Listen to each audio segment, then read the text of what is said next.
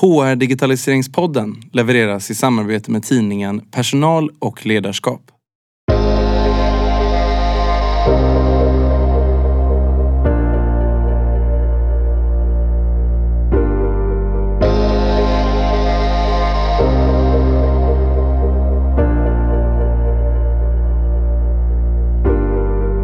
Idag får ni utmana hjärnan när ni lyssnar.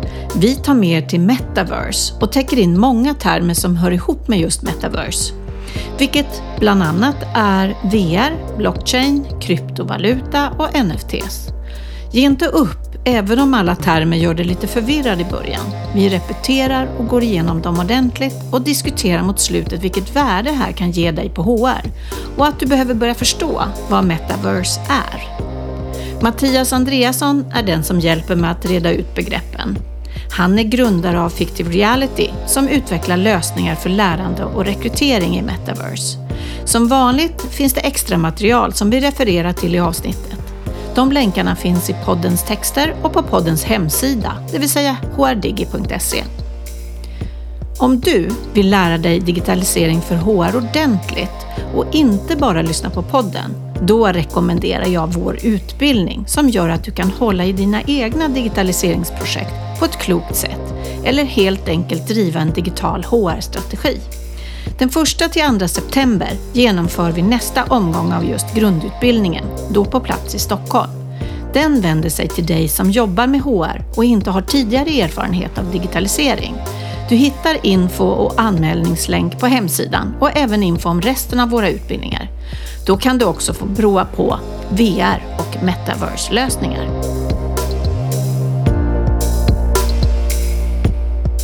Har du koll på vad som krävs för en välmående organisation? Mässan Personal och chef ger dig kunskap och insikter kring hela medarbetarresan. I år har mässan extra fokus på de tre T'na tillit, tekniska lösningar och teamwork. Personal och chef vill utveckla dig så du kan utveckla och behålla din personal.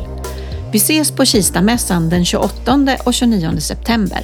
Läs mer om mässan på personalchefstockholm.se och registrera dig. Det är gratis för dig som besökare.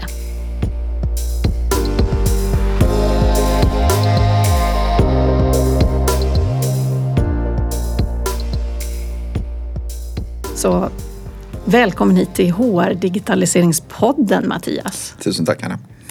Så idag ska vi försöka ja, reda ut lite, lite om metaverse. Yes. Jag såg att du har någon tagline på din eh, LinkedIn som står rekrytering och lärande i metaverse. Det stämmer. Jag passade på att uppdatera den när Meta gick ut och började prata om metaverse. Ja. Eh, då var det lite mer lämpligt. Innan dess har vi jobbat med det hela tiden. Men det, men det är metaverse, absolut. Ja, Ja. Den, den, den, eh, det, det skapar lite mer, eh, om man säger så här.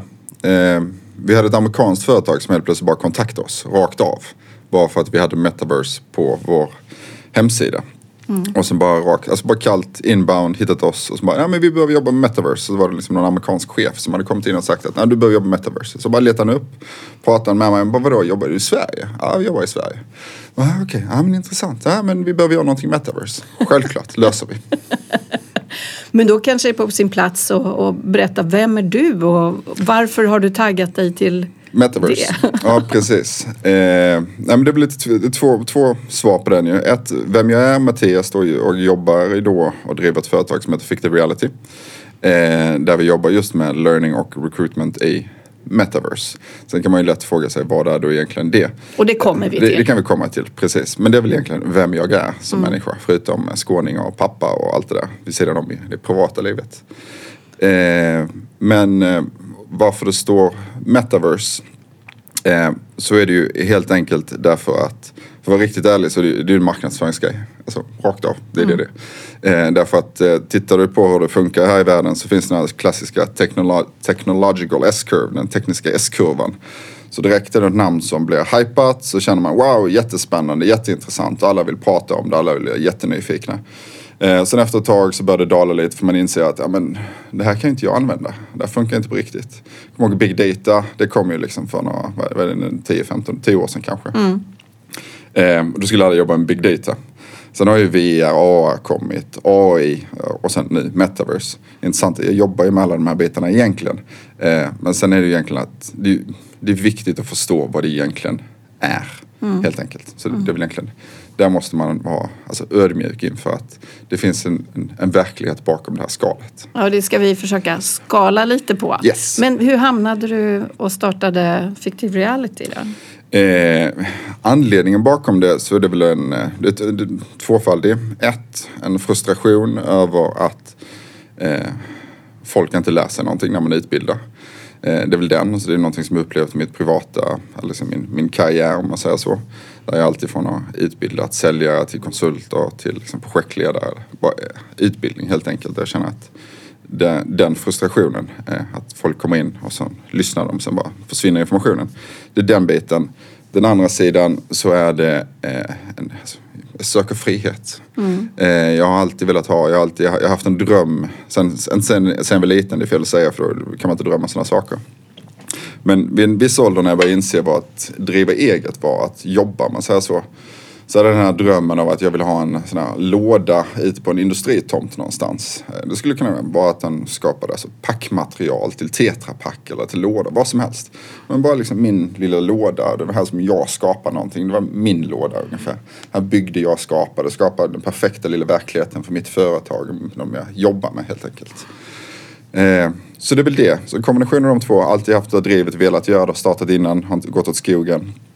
Eh, men nu kände jag att okej, nu var tajmingen rätt. Men tajmingen är ju nu, det är mer än fyra år sedan. Eh, så jag startade. Precis, Ja. så då var det ju lite tidigt. Men det är ju det, man ska börja med något Yes. innan. Ja, det hade varit perfekt att börja precis när alla vill ha det, så man har en Ja. färdig produkt. Ja, precis. Eh, men. Det, det, det är ju inte ens realistiskt. Nej. Men ska vi börja gräva då i Yes. vad, vad är metaverse? Ja, eh, metaverse är någonting som egentligen har funnits ganska länge om man säger så. Eh, jag tror först och främst så, så finns det massa definitioner av metaverse. Så det är inte så att du kan kolla upp i en svenska eh, ordlistan eller encyklopedin eller vad det nu heter. Eh, där det finns metaverse och sen en satt definition. Utan du får googla dig fram så hittar du massa olika förslag på det. Så alltid den ena som försöker förbättra det över den andra. Eh, men det är bättre, jag tror det enklaste sättet för mig att få- för att förstå det eh, så är det egentligen att titta på den tekniska utvecklingen som har skett lite de senaste åren.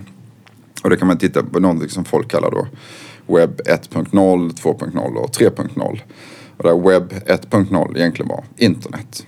Så när internet kom först och främst. För där var det en stor förändring helt plötsligt. Det var liksom den här eh, stora datan som bara fanns överallt. Tillgången och demokratiseringen av kunskap på något sätt. Så det var steg ett. Eh, steg två, så i det webb 2.0 så pratar vi om social media. Eh, och så pratar vi om, eh, jag glömmer alltid bort den andra. Social media och smartphones. Ah, Smarta telefoner, det. ja precis. Mm. Eh, för där helt plötsligt så gick du ifrån att du satt med ditt gamla modem och liksom bara fick upp en internetsida Mm. eh, till att du alltså börjar mer interaktivt Mm. vara en del av datan. Eh, och med social media, liksom flödet av information har det börjat förändra oss och vi diskuterar det. Eh, och webb 3.0 då, då tar vi det här nästa steget. Och det är egentligen att vi tar steget in i den digitala världen. Då kan jag komma tillbaka till en barndomsdröm som jag alltid haft när jag var liten, titta på Kalle Anka. Det var att jag ville vara en del av den tecknade filmen. Jag ville vara inne och liksom klappa Pluto och prata med knattarna och de här bitarna. Liksom. Det kände jag, där vill jag vara. Eh, och det är metaverse. Det är att man tar ett steg in i den digitala världen. Eh, och sen kan du göra det på olika steg, sätt. Det är inte att du behöver bara vara inne i den här världen utan det kan vara att du interagerar med den. Eh, ett sätt att interagera med den är ju då till exempel med din telefon. Eh, så får du, det är då att du kommunicerar med en digital värld helt enkelt. Eh, så om man vill dra en parallell så kan man prata om vårt eget universum. Vilket är att om du och jag sitter och pratar med varandra, om det hade varit ett virtuellt möte, så använder vi ju en dator som medium för att prata med varandra. Men både du och jag befinner oss i den verkliga världen. Det här är då den digitala världen. Så direkt när du kommer, alltså interagerar med någonting digitalt så digi- interagerar du då, kommunicerar, pratar med något, någon, beror på om man ser det, i metaverse. Det är metaverse. Och meta, jag, jag tänker mycket på, jag menar alla som har spelat spel. Mm. Eh, så hur man, där kan man ju både på en skärm Ja. eh, men också många gamers använder ju VR, alltså Mm. virtual reality glasögon Yes. Och eh, ger sig in i en värld som är Ja. fiktiv. Yes. Kan man jämföra lite grann? Ja men med det? absolut, definitivt. Det kan du absolut jämföra. Det är jätte, en jättebra jämförelse. För tittar du just i spelen då är det ju att du drar du omkring din lilla figur i den här världen. Om det är Fortnite eller om det är Pokémon eller vad det nu än är. Eh, Så är du, du inne i den här digitala världen helt enkelt. Eh, och, så det är, det är en jättebra jämförelse. Eh, sen är det väl inte spelvärlden i sig som driver det här framåt. Utan om man tittar, vem var det som började använda smartphones? Det, det var inte gamers i sig, alltså först och främst kanske de som är väldigt tekniskt nyfikna. Eh, men PCn, alltså det, det är företagsvärlden, man använder den för att jobba helt enkelt. Så det är de bitarna. Men de, test, de har kunnat testa mycket kring Absolut. Är det där, för jag, jag tänker då att inom företagsvärlden så har man nog lite svårt att se var, var det här hör hemma. Och, och för, för min egen del så tänker jag att det hänger, det hänger mycket ihop med eh, att lära sig saker. Precis som du säger att ni Yes. har ju valt ett lärande perspektiv. Ja. Men vad skiljer sig om man tänker VR? Mm. är ju en teknik som Mhm. jag tror att många inom HR också känner till. Alltså när Ja. man sätter på sig de här glasögonen Mm, så befinner man sig i en, en eh, virtuell värld som Mhm. man kan se i 360 grader, man kan Mm. röra sig i den, man kan göra och lära sig olika saker. Men vad är skillnaden till metaverse här då? Ja, precis. VR är ju ett medium för att kunna se, titta in i metaverse. Det är som en ouija board, ungefär ett medium för att komma in i andevärlden. Om man, jag har aldrig testat det, men jag, jag har inte varit där heller, så Ja. jag har noll koll. Eh, Eller men- drömmar till Ja, drömvärlden precis, då? Men precis, Hjärnan precis. till drömvärlden. Ja, precis. Eh, så VR är ju ett sätt att komma dit. Eh, men andra sätt, alltså, du, du, det är precis som din smartphone, då, då interagerar du också med metaverse, den digitala världen helt enkelt. Men det är bara det att genom att man använder ordet metaverse så blir det istället att det känns som att du kommer in i det på ett annat sätt. Det är liksom ett annat universum. Det är det här, det, är det här digitala universum istället. Eh, och det är där du har dina avatarer och dina figurer. Eh, men du har ju andra exempel. Du har ju AR till exempel som eh, du har ju sådana här pop-up displays som finns på en del väldigt moderna bilar. Där du istället ser eh, hastigheten liksom bara som en hologram nästan framför dig. Alltså det är en del där också. Alltså då är det ju att, eh, att du interagerar. Det blir liksom olika interfaces mellan den digitala och den verkliga världen.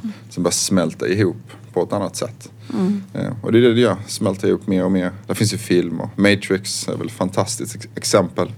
Eh, sorgligt, jag vet inte om slutet, de, alltså, det blir fred till slut. Men, eh, så det är ju bra på det viset. Men, eh, men det är ett exempel på ett annat universum helt enkelt. En parallell värld. Och jag, för länge sedan, eller det är ju ganska, ja, avsnitt 18 och nu är jag Mm. framme på, vad kan det vara nu? Jag kommer inte ihåg. Grattis Men i alla fall.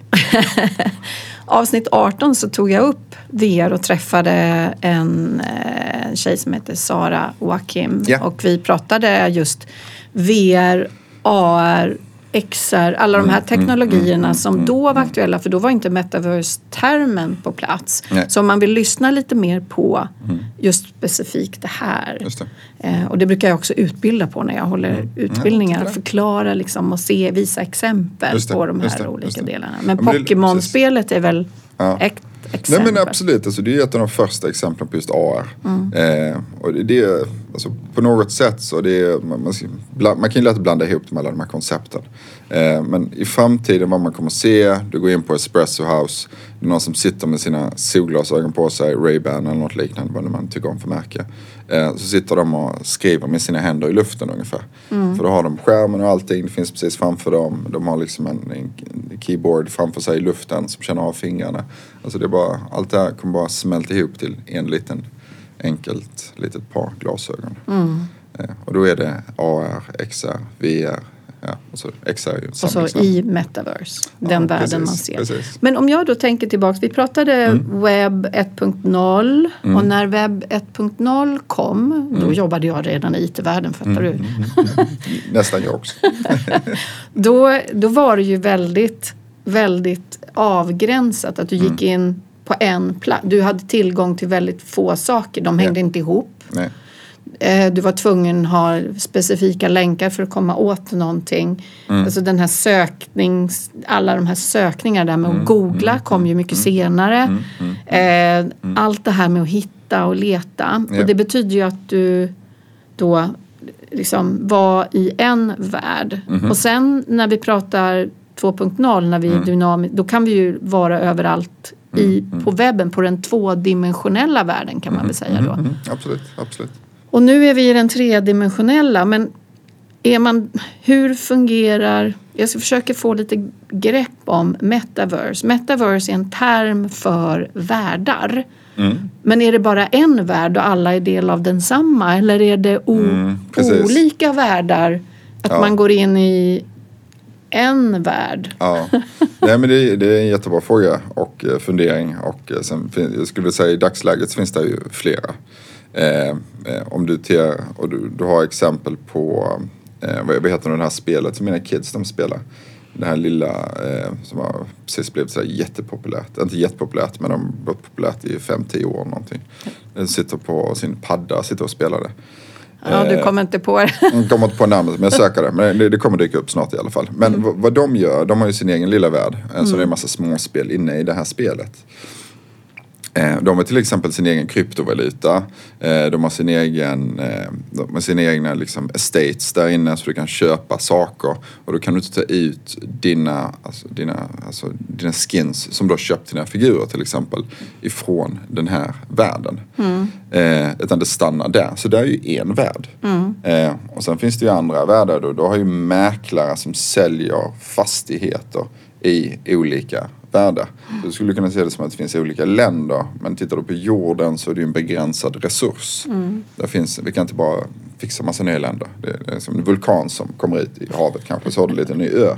Men inte Som med. Saudi. Eh, nej, inte i Dubai tänkte jag på. Ja, precis. Ja, precis. De Bygger man öar. Precis, behöver mycket oljepengar. Eh, så de löser det. Eh, men utöver det så är det väldigt begränsat. Enkelt. Vi har begränsade resurser. Vilket Earth Hour då är ju jättebra för att visa att det tar slut efter ett tag. Men det, det är ett annat eh, ämne. Eh, men eh, med det sagt så är det ju då är det intressant att titta på det här att folk som investerar till exempel i metaverse. Eh, för just vad du har där så är det ju att det finns ju ingen begränsning av virtuella världar. Du kan ju bara skapa en ny. Du skulle kunna skapa en metaverse-värld imorgon om du vill.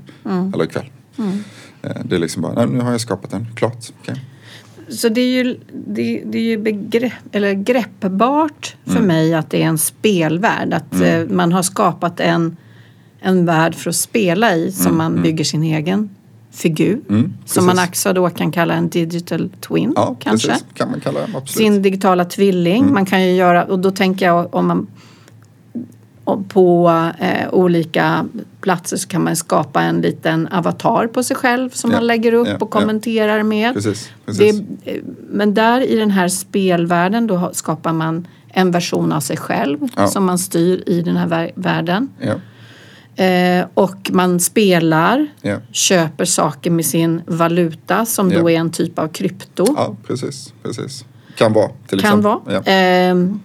Men det är det man kan jämställa Mhm, det med. Man kan ha då ehm, byggnader Yes. och så bestämmer den som äger den spelvärlden Ja. om det, vad som ska gå att köpa och sälja och vad man kan göra där inne. Precis, en diktator helt enkelt. En diktator. Företagsdiktatorn. Yes, precis så. Då kan de öppna upp om de vill eller inte. Ja, Ja men det här är greppbart. Då är vi tillbaka i spelvärlden. ja precis. Men Ja. det här med eh, att du säger att mäklare, Mm. vad pratade vi om? Land för fem miljarder. Ja, Eh, precis. vad är det för typ av värld? Det är ju en del av de här världarna som folk bara hittar på och skapar. Alltså, men det är ju, alltså, i, personligen så jag förstår inte hur det kommer att funka långsiktigt. Eh, men det är ju för att komma tillbaka till det här att det, finns, finns en anledning varför det kanske blir dyrt att bo i Stockholm city ungefär. Alltså, det finns inte mer plats helt enkelt. Byggnaderna som finns där, de finns där. Eh, och det tar tid för mig att komma hit till skärgården om man säger så. I den virtuella världen så tar det mig liksom en knapptryckning så jag förflyttar mig från en värld till en annan. Det finns liksom inga fysiska avstånd på det viset. Eh, som det inte, så jag förstår inte varför folk betalar för de här sakerna, ärligt talat. Men att de gör det, det, Ja. ja, det För jag tänker att man, den som lyckas få till sin Mm. värld kan vinna. Om du skapar en Absolut. handelsplats för mode, design, Ja. klä, alltså smink. precis. Där, där du då har byggt upp och då vill alla vara där och då blir det ett värde som man vill Yes. köpa in sig på. Det finns en her- herre som heter Zuckerberg eh, som har ju tänkt precis samma tanke. Ja. Eh, och det är ju vad han har lyckats med med Facebook. Där typ majoriteten av alla människor på den här jorden har Facebook. Och därför han döpt om det till Meta också och Mm. bara pushat ut för Metaverse. Därför att han vill ju göra den världen. Och han har redan börjat göra den, den heter Horizon. Eh, så det är liksom steg ett. Han har, så det, det är därför han också investerat i att köpa alltså Oculus med VR-headset. Så han håller ju på att skapa just det. Men då måste du göra den världen till den bästa världen. Men Rom faller ju efter ett tag. Eh, och alla stora företag oftast faller efter ett tag. Så frågan är om För det kommer ju nya, det är precis precis. som i HR-system. Yes. Det kommer massor med nya spelare Ja. som, som kan dra nytta av allt det som man, de som var först Mm. Absolut. har lärt sig av. Yes, yes. Så ja, det gäller att skapa och se om, ja, jag kan förstå, man klarade ju med Facebook att ta över, ta över världen i den Mm. Ja, världen. Precis, precis. Ja. Och det fanns ju innan, det fanns ju MySpace, MySpace fanns Lunarstorm, alla de här bitarna. Det fanns ju liknande system. Men, Mm. Men de har ju dött. de har dött ja, precis. Mm. Men vad hette det här som eh, det första lite metaverse då? Hur länge har det funnits? Eh, Horizon, eh, det har väl funnits i, ja, i lite olika skepnader men liksom upp mot en två, två tre år eller sånt Mm, kanske. Jag tror det lanserades ordentligt för ungefär ett år sedan. Mm. Innan dess har varit i beta. Eh, Och hur länge sedan har man liksom haft metaverse-tanken? Det, kan, det hette ju inte metaverse då.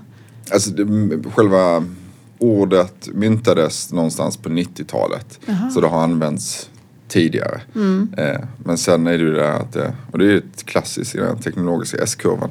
Helt plötsligt är det någon får upp den där längst upp, nu hypas det. Men det har alltid funnits där lite liksom steg för steg. Och eh, jag tänker då alla de här termerna som man pratar om i metaverse. Nu har vi berört några stycken. Vi pratar om det här med byggnader, att kunna köpa hus och bygga sitt perfekta hus som man då kan gå in och Ja, leva precis. i. Ja. Ehm, och vi pratar VR, någonting. Jag skulle vilja prata bara lite om VR först så kan vi komma in på några andra termer. Även om det finns ett helt avsnitt om den teknologin så vill jag påminna om hur känslan är när man använder VR och var, hur det påverkar oss som Ja, individer. precis. Vad tycker du? Ja, nej men alltså VR, seeing is believing, så är det. Mm. det du måste ju ta på dig ett VR-headset och få liksom känslan av, okej, wow. Mm. Eh, och det har ju varit en svårighet också för, för oss som företag under hela coronatiden. Så vi har inte bara VR utan vi har ju liksom lösningar som är liksom på din, din dator också för annars funkar det inte. Folk har inte tillräckligt med VR-headset. Men jag får gå tillbaka till din fråga. Eh, vi, ibland jämför det som när man går inifrån sitt hus och man går ut ungefär. Du kan liksom vara inne i huset och så går du omkring din lägenhet eller vad som helst. Där du, ditt boende ska jag säga. Du är inne i ditt boende. Eh, och sen har du klätt på dig så öppnar du dörren och det är en fantastisk vårdag där ute något liknande. Och det kan också vara en väldigt snöig, regnig, ruskig dag. Men alltså din mental state, den förändras. Känslan i din kropp, den förändras när du stänger dörren och du är utomhus oftast. Det blir liksom en kontrast. Eh, den kontrasten, eh, det är ju som när du tar på dig ett VR-headset och du försvinner. Eh, en enorm skillnad så är det ju någonting som är fokus. Eh, För det är ju där alltså, lärandet kommer in också. Vårt stora liksom, brist på, som vi har nu alltså, som människor, att kunna fokusera. Kommer du in i VR så försvinner ju allting runt omkring dig. Du, du är liksom bara inne i den här världen. Din telefon finns inte längre. Det är ingen som går omkring och tittar någonstans på dig. Och det, alltså det, det försvinner. Du, du, fokus. Och det är ju så fruktansvärt viktigt. Eh, Men har du inte testat det så testa det. Ska du testa det så testa ett ordentligt headset. Ja, jag har ju ett ordentligt. Det och jag du. har ju eh, de senaste dagarna eh, haft lite på mig och eh, känt bara att stå eh, i den miljön som man kommer in i. Bara genom att sätta på, starta sitt headset av en bra kvalitet. Absolut. är helt överväldigande Ja, faktiskt. ja, ja. Det räcker för vissa. Ja men det gör det, men det håller jag helt med dig om. Eh, och det, där, det kan nästan bli för mycket eh, för någon att som bara hoppa in i ett väldigt interaktivt spel eller miljö direkt. Alltså, du skulle nästan kunna jämföra, jag gör väldigt många jämförelser oftast med att ta körkort.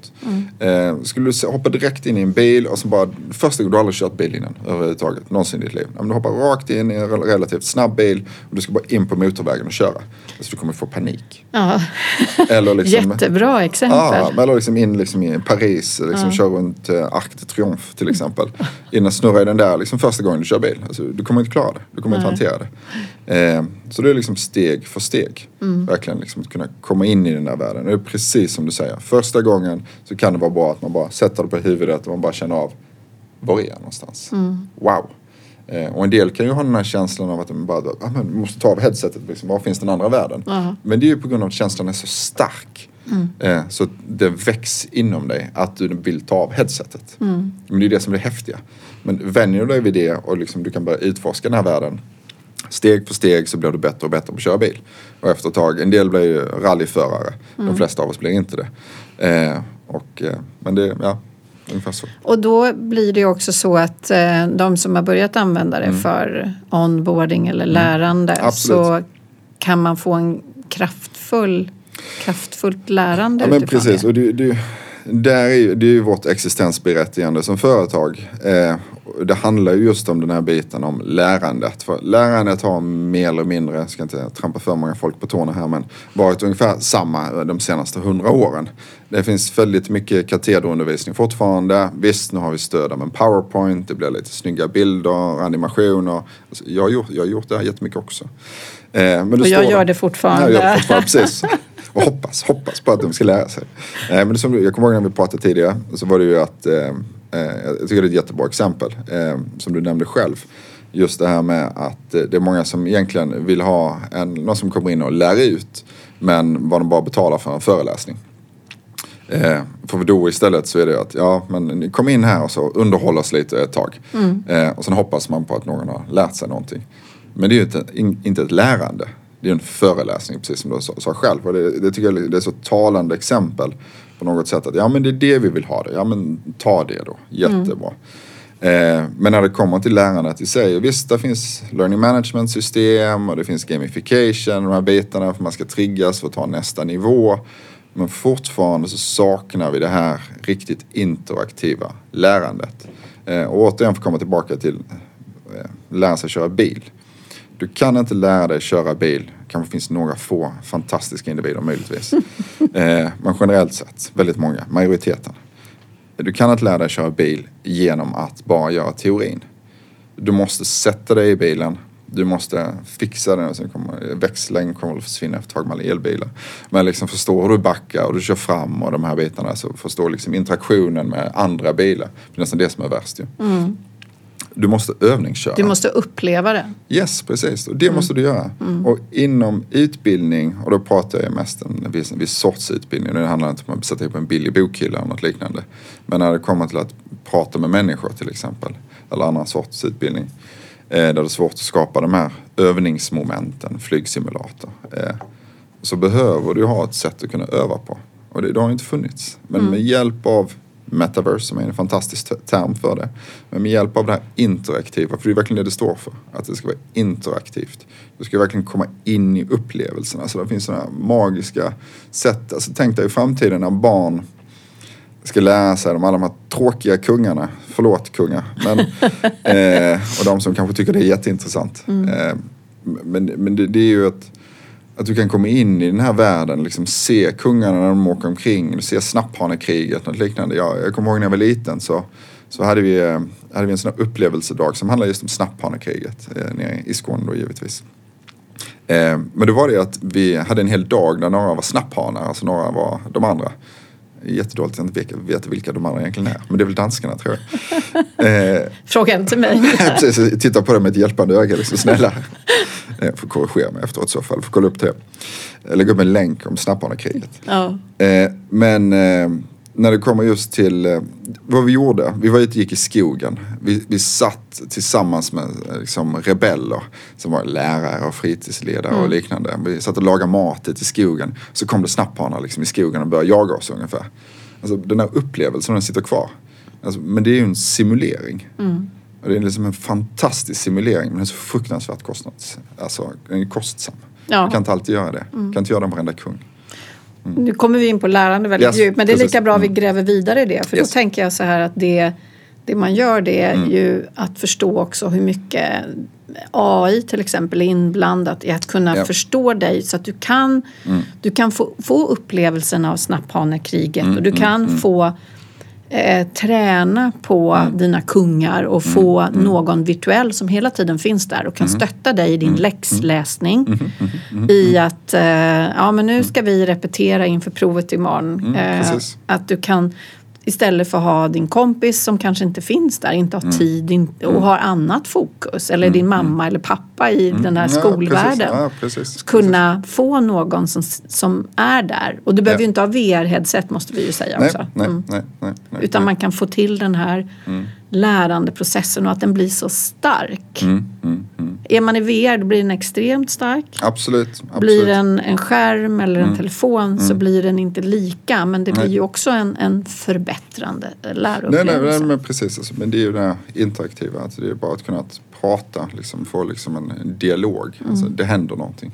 Och metaverse som sagt är tillbaks igen, nu Mm, jag upprepar igen. Det är liksom världen där du antingen kan vara, le, vara i den med VR-glasögon, då är Ja. du fullt i den. Eller Ja. så använder du andra sätt att Ja. liksom, interagera med den här precis, världen. Precis, precis. Ja. Men kan vi ta lite av de andra begreppen som dyker upp nu? Eh, det här med krypto. Ja, precis. Ja. Jag är ingen kryptoexpert. Eh, men, men det är ju liksom, precis, vad är den specifika frågan? Jag funderar på, för du tog upp krypto, eller vi Mm. Ja. tog upp krypto Ja. när vi pratade om spel och köpa Ja. saker. Men kryptovaluta, då kommer man ju ofta in på bitcoin. Ja, precis. Bitcoin är ju en sorts. Det finns ju massa andra. Eh, Jag har en, eh, en god vän till mig som försöker pusha mig för att köpa massa olika. Men jag, jag har aldrig hoppat in på den marknaden. Nej. Eh, men det finns ju olika eh, valutor. Eh, blockchain är ju själva eh, eh, tekniken bakom det. Om man säger så. Blockchain är också tekniken bakom eh, vad vi har som är NFT. Eh, eh, NTF, förlåt. Eh, eh, så Nej, NFT. NFT, ja precis. Tack. Nu börjar vi röra till ja, precis. själva. Det blir många begrepp. Eh, Ja. men, men det är ju, alltså, det, det är ju en teknik som gör, som skapar en säkerhet. Det är egentligen det det handlar om. Mm. Eh, men sen samtidigt så finns det ingen säkerhet i ett stöd. Tittar du på Nordkorea till exempel.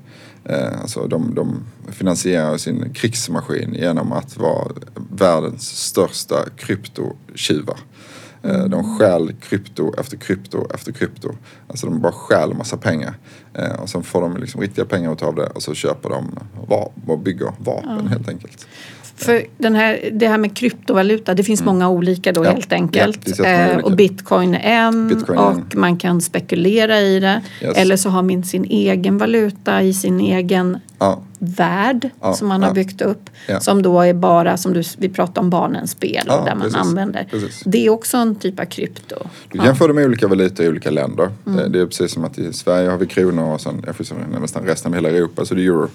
Eh, men, Ah, ja. Och ibland kan du byta dem mellan varandra. Så det finns ju så att du håller på att byta liksom olika kryptovalutor med varandra. Så det är olika pengar om man säger Mm. så. Och det är ju då precis som det finns olika, att vi kan ha en oändlig mängd länder då, eller Yes. världar. Precis. Och då finns det olika valuta i Ja, olika. precis. Och sen världar. avsaknad av en centralbank, avsaknad liksom av en reg- alltså re- regler helt Mm, enkelt. Eh, vilket gör ju att det, blir du av med dina pengar så finns det ingen som hjälper dig. Mm. Eh, och det finns liksom inget stöd på det viset. Eh, så det, det, den, eh, det finns många andra som kan mycket mer om det. Och det finns Ja. väldigt många som är på den ena sidan, väldigt många som är på den andra sidan. Och jag har ingen aning. Nej, jag tror vi ska st- inte prata så mycket om, bara få ett litet hum, för Ja, det dyker ja. ändå upp. Och just blockchain har jag också ett annat avsnitt som jag Ja, har tagit för något jättebra. år sedan. Ja, det var. Då pratade vi blockchain och det här med hur man säkrar upp. Just det. Men sen har vi det Det hade här, nästan varit intressant att ta ett andra avsnitt bara för att se förändring på blockchain på ett år. ja det har hänt otroligt mycket. För det hade nog varit, jag tror liksom 50% av det som du gick igenom då har säkert liksom kommit helt nya grejer. Och så appliceringsområden. Mm, Jag hade svårt att hitta någon som kunde prata om det. Men jag det? får väl Ja, eh, precis. leta igen. Ja, ja. Men sen har vi det här som vi blandar ihop, non-fungible tokens Yes. eller NFT. NFT, och det precis. handlar ju ofta om konst. Yes, eh, och då, då är det ju egentligen, det är ju ett sorts vattenmärke egentligen. Som bara är det att det är jag som har skapat den. Jag tror det var Ernst Billgren eh, som sålde någonting här för 120 000. Eh, de flesta vet vem Ernst Billgren är. Ja. Eh, men eh, 120 000 svenskar så det är mycket pengar. Eh, så då kan man känna liksom wow, han sålde liksom en, för det är en digital, jag tror det var en digital kopia av hans originaltavla helt ja, enkelt. precis. Eh, men eh, tittar du på alltså, de som har sålt på alltså, för väldigt stora pengar så pratar vi om en miljard. Alltså det är närmare en miljard svenska kronor för ett digitalt konstverk. Alltså det är på något sätt när man säger det så måste man nästan bara stanna och sen tänka efter att det är någon som har köpt ett konstverk, ett digitalt konstverk som bara finns i den digitala världen för en miljard svenska kronor. Men är det att du ska ha tavlor i dina hus i metaverse? Till exempel. Alltså finns det liksom olika figurer och liknande. Alltså det är allt. Det finns inga, det finns inga... Men allt man skapar där kan man då sätta som ett, eh, ett värde på. Alltså Ja. man, man sätter ett vattenmärke. Det här, eh, de här typerna, vill du ha ett sånt här då kostar det... Ja. Ja, det är, Ja, det men det är precis som det är marknaden som avgör. Ja. Alltså det, är- det är väl den som sålde för mest. Sen finns det den för 800 miljoner, och 700 miljoner, och 600 miljoner. Alltså det, det är helt, alltså det är fantasisummor.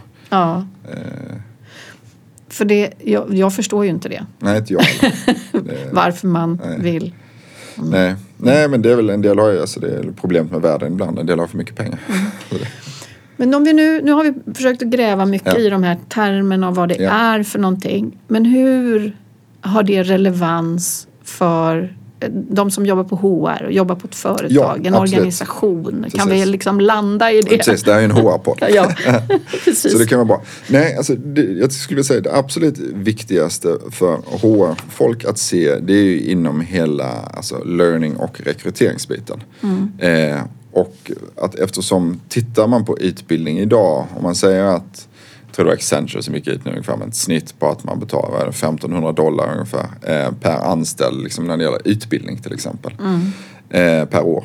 Eh, men tittar man på att folk glömmer 80-90% av det som man utbildar alltså det är bara att titta på den siffran direkt. Alltså helt plötsligt alltså, så mycket pengar som man bara kastar i sjön. Jag, jag kommer ihåg själv varför man, en del, inte, inte allt givetvis, men eh, en, del av utbildningen som görs är för att anställda efterfrågar utbildning. Så, så har du din enkät som du kör, din medarbetarundersökning. Och du efterfrågar de utbildning så får du kanske liksom en fyra av fem på den här. Eh, så tänker du, ja men du ska utbilda dem. Så skickar de in någon som utbildar lite så får, går du upp till nästa år så har du 4,3 istället. Så visar det sig, ja men bra vi utbildar folk och de anställda är nöjda, employer branding går upp och det ena och det andra. Toppen. Men det är ju ett svart hål som man kastar ner pengarna i. Alltså, för om folk glömmer saker.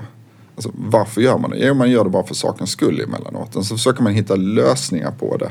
Alltså är det liksom, ja men så känner man att det får inte kosta för mycket. Då kommer man in, ja men tar man in en, en föreläsare som ska utbilda till exempel.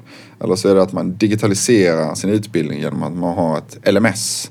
Och det är ja, jättebra med ett LMS. För det är liksom, du har en helt, alltså du har en access och vi jobbar tillsammans med LMS också. Så det är inte så. Men där finns en svaghet i det och det är att du fortfarande inte bara har digitaliserat din information.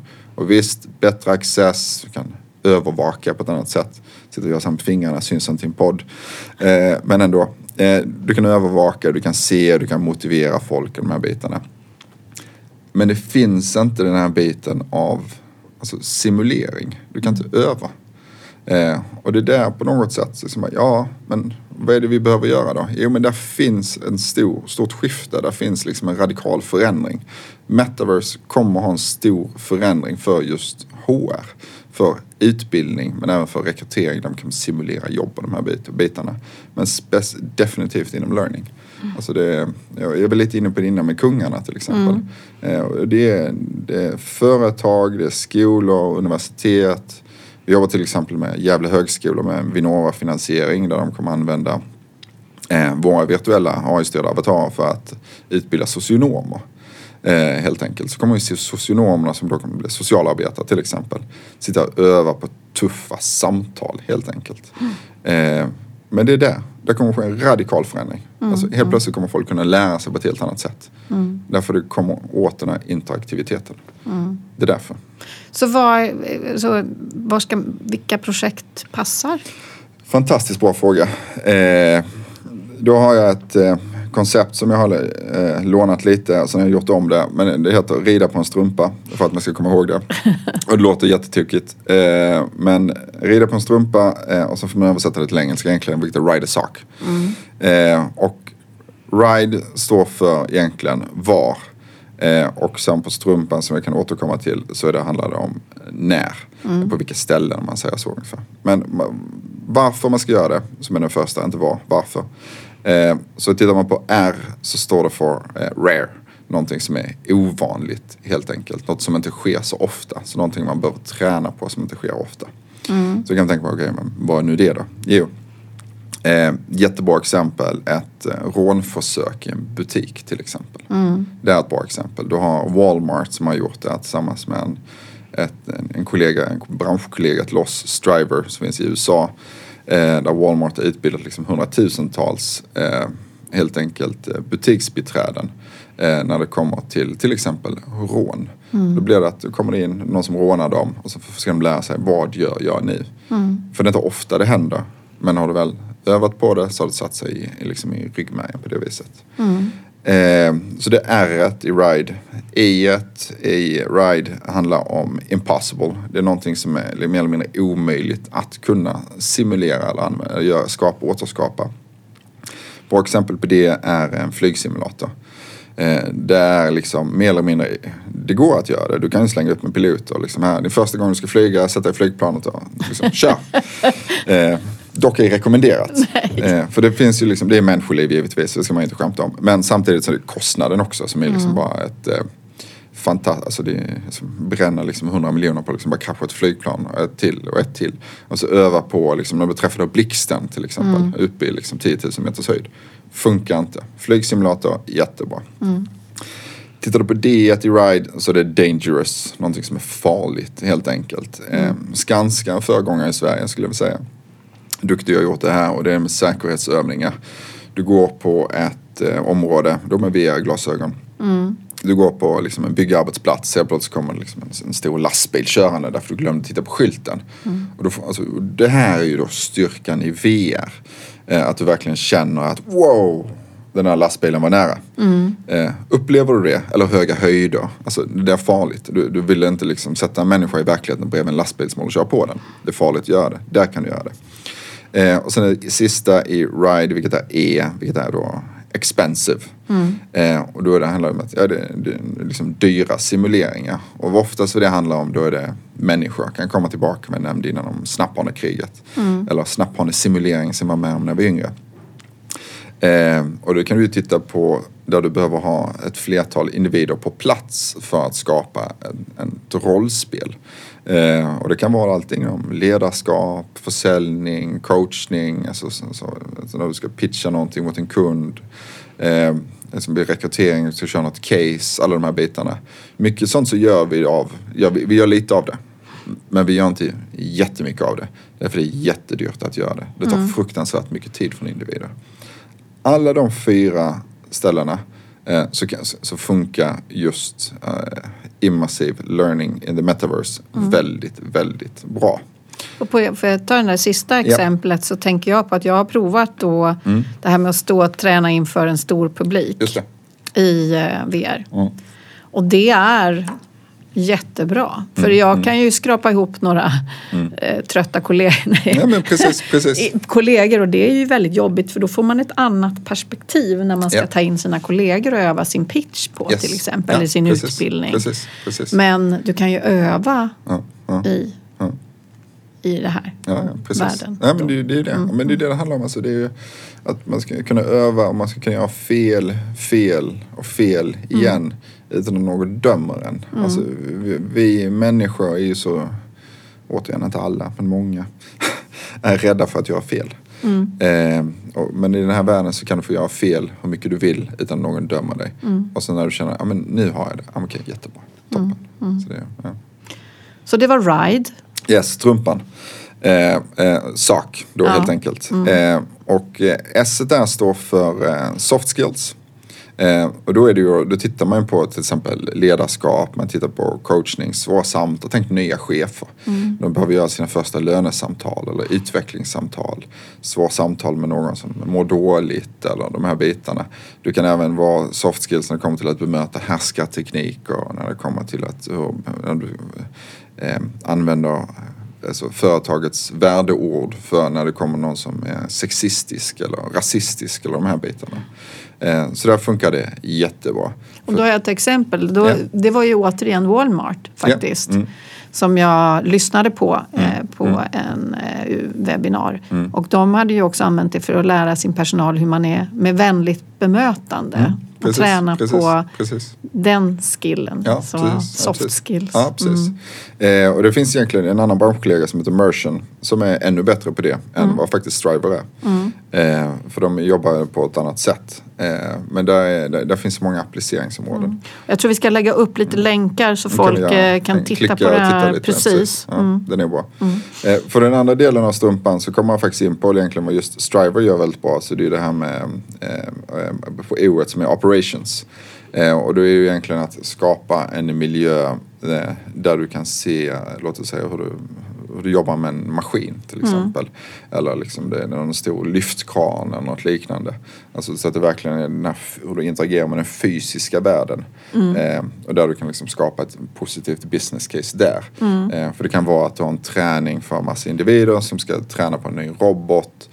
Eh, nu kommer, precis, har vi eh, eh, Northvolt tänker jag, men, men det är inte de som har en gruva. Det är den företag som har en, gruva någonstans där de hade en maskin som var alldeles ny. Eh, I alla fall. Och, och, och där var det att okej, nu skulle utbilda ungefär 50 pers på den här. Men att flyga in 50 pers till gruvan, sitta på den här maskinen, så kostar jättemycket. Och så bara tiden för liksom att få ihop det. Och, men nu kan man tidigare liksom bara göra det.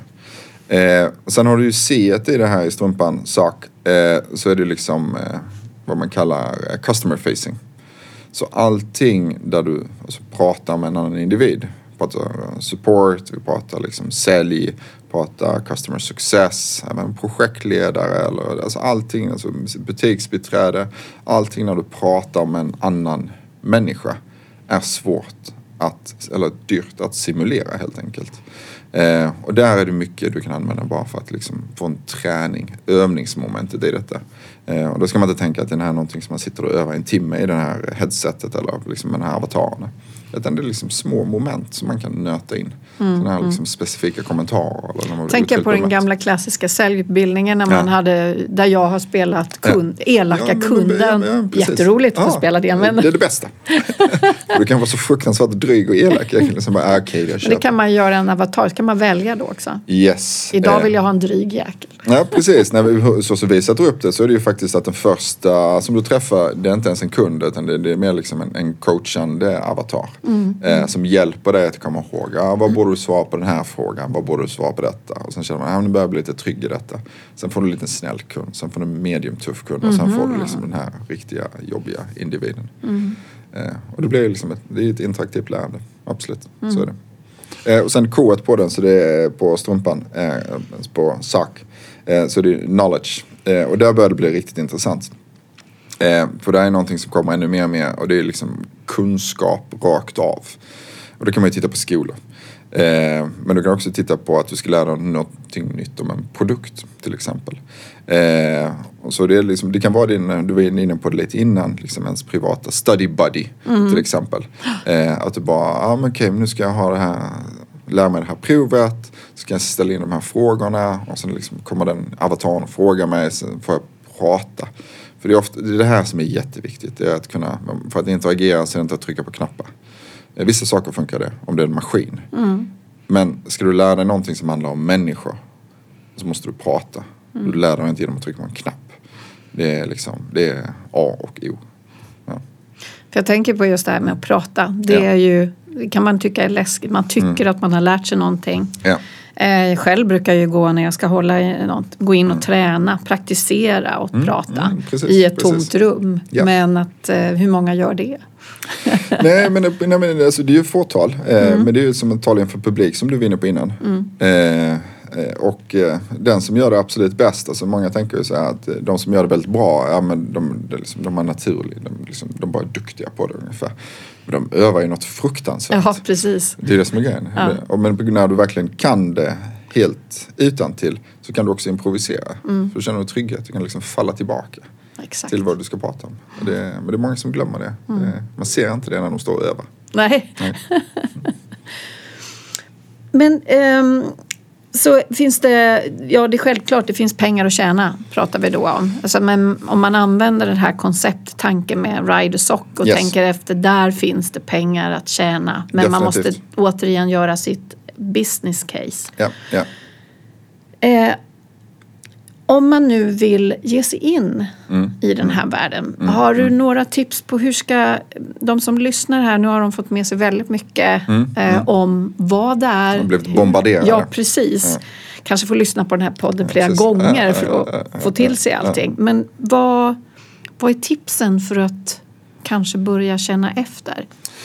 Ja, alltså du behöver ju egentligen titta på din egen organisation eh, först och främst. Eh, och sen se på något, och sen tänka efter. Okej, Okej, använder jag Rider Sark då som, eh, som liksom min själva analysverktyg.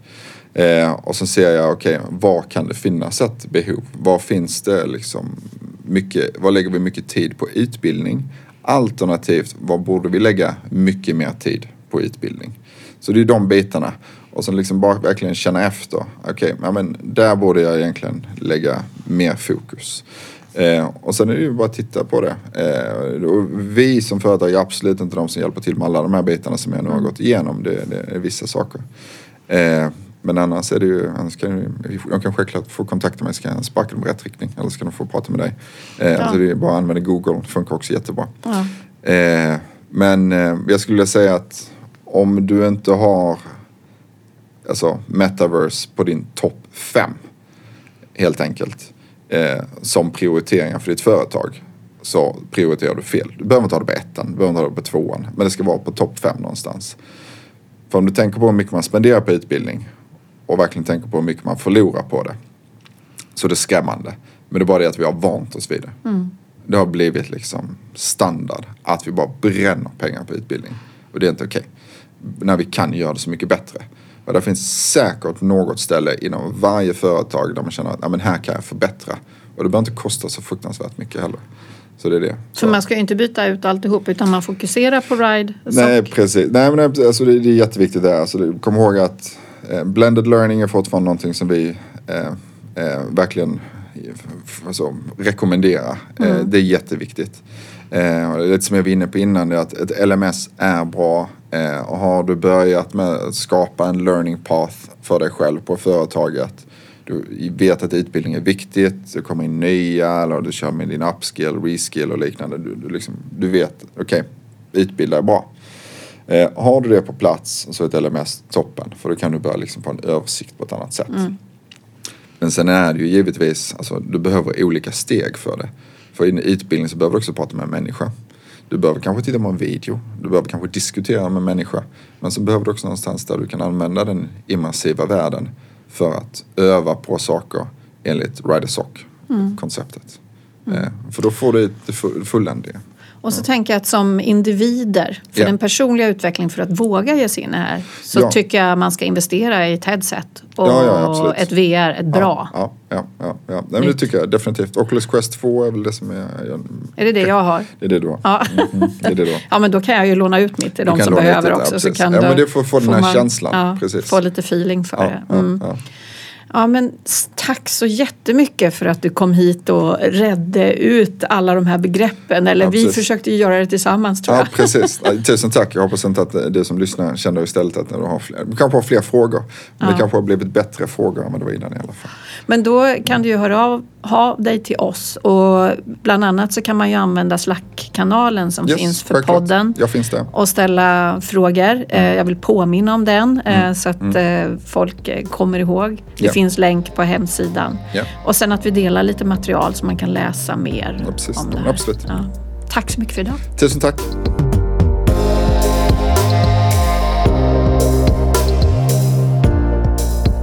Tack för att just du har lyssnat. Podden levereras av HR Digitaliseringsgruppen och jag som pratar heter Anna Karlsson. Vi har fokus på att underlätta digitalisering för dig inom HR genom att erbjuda vår kunskap i form av poddande, konsultstöd, utbildning och mentorskap. Och på det sättet skapar vi tillsammans en digital framtid för HR. Du hittar info om både podden och gruppen på hrdigi.se.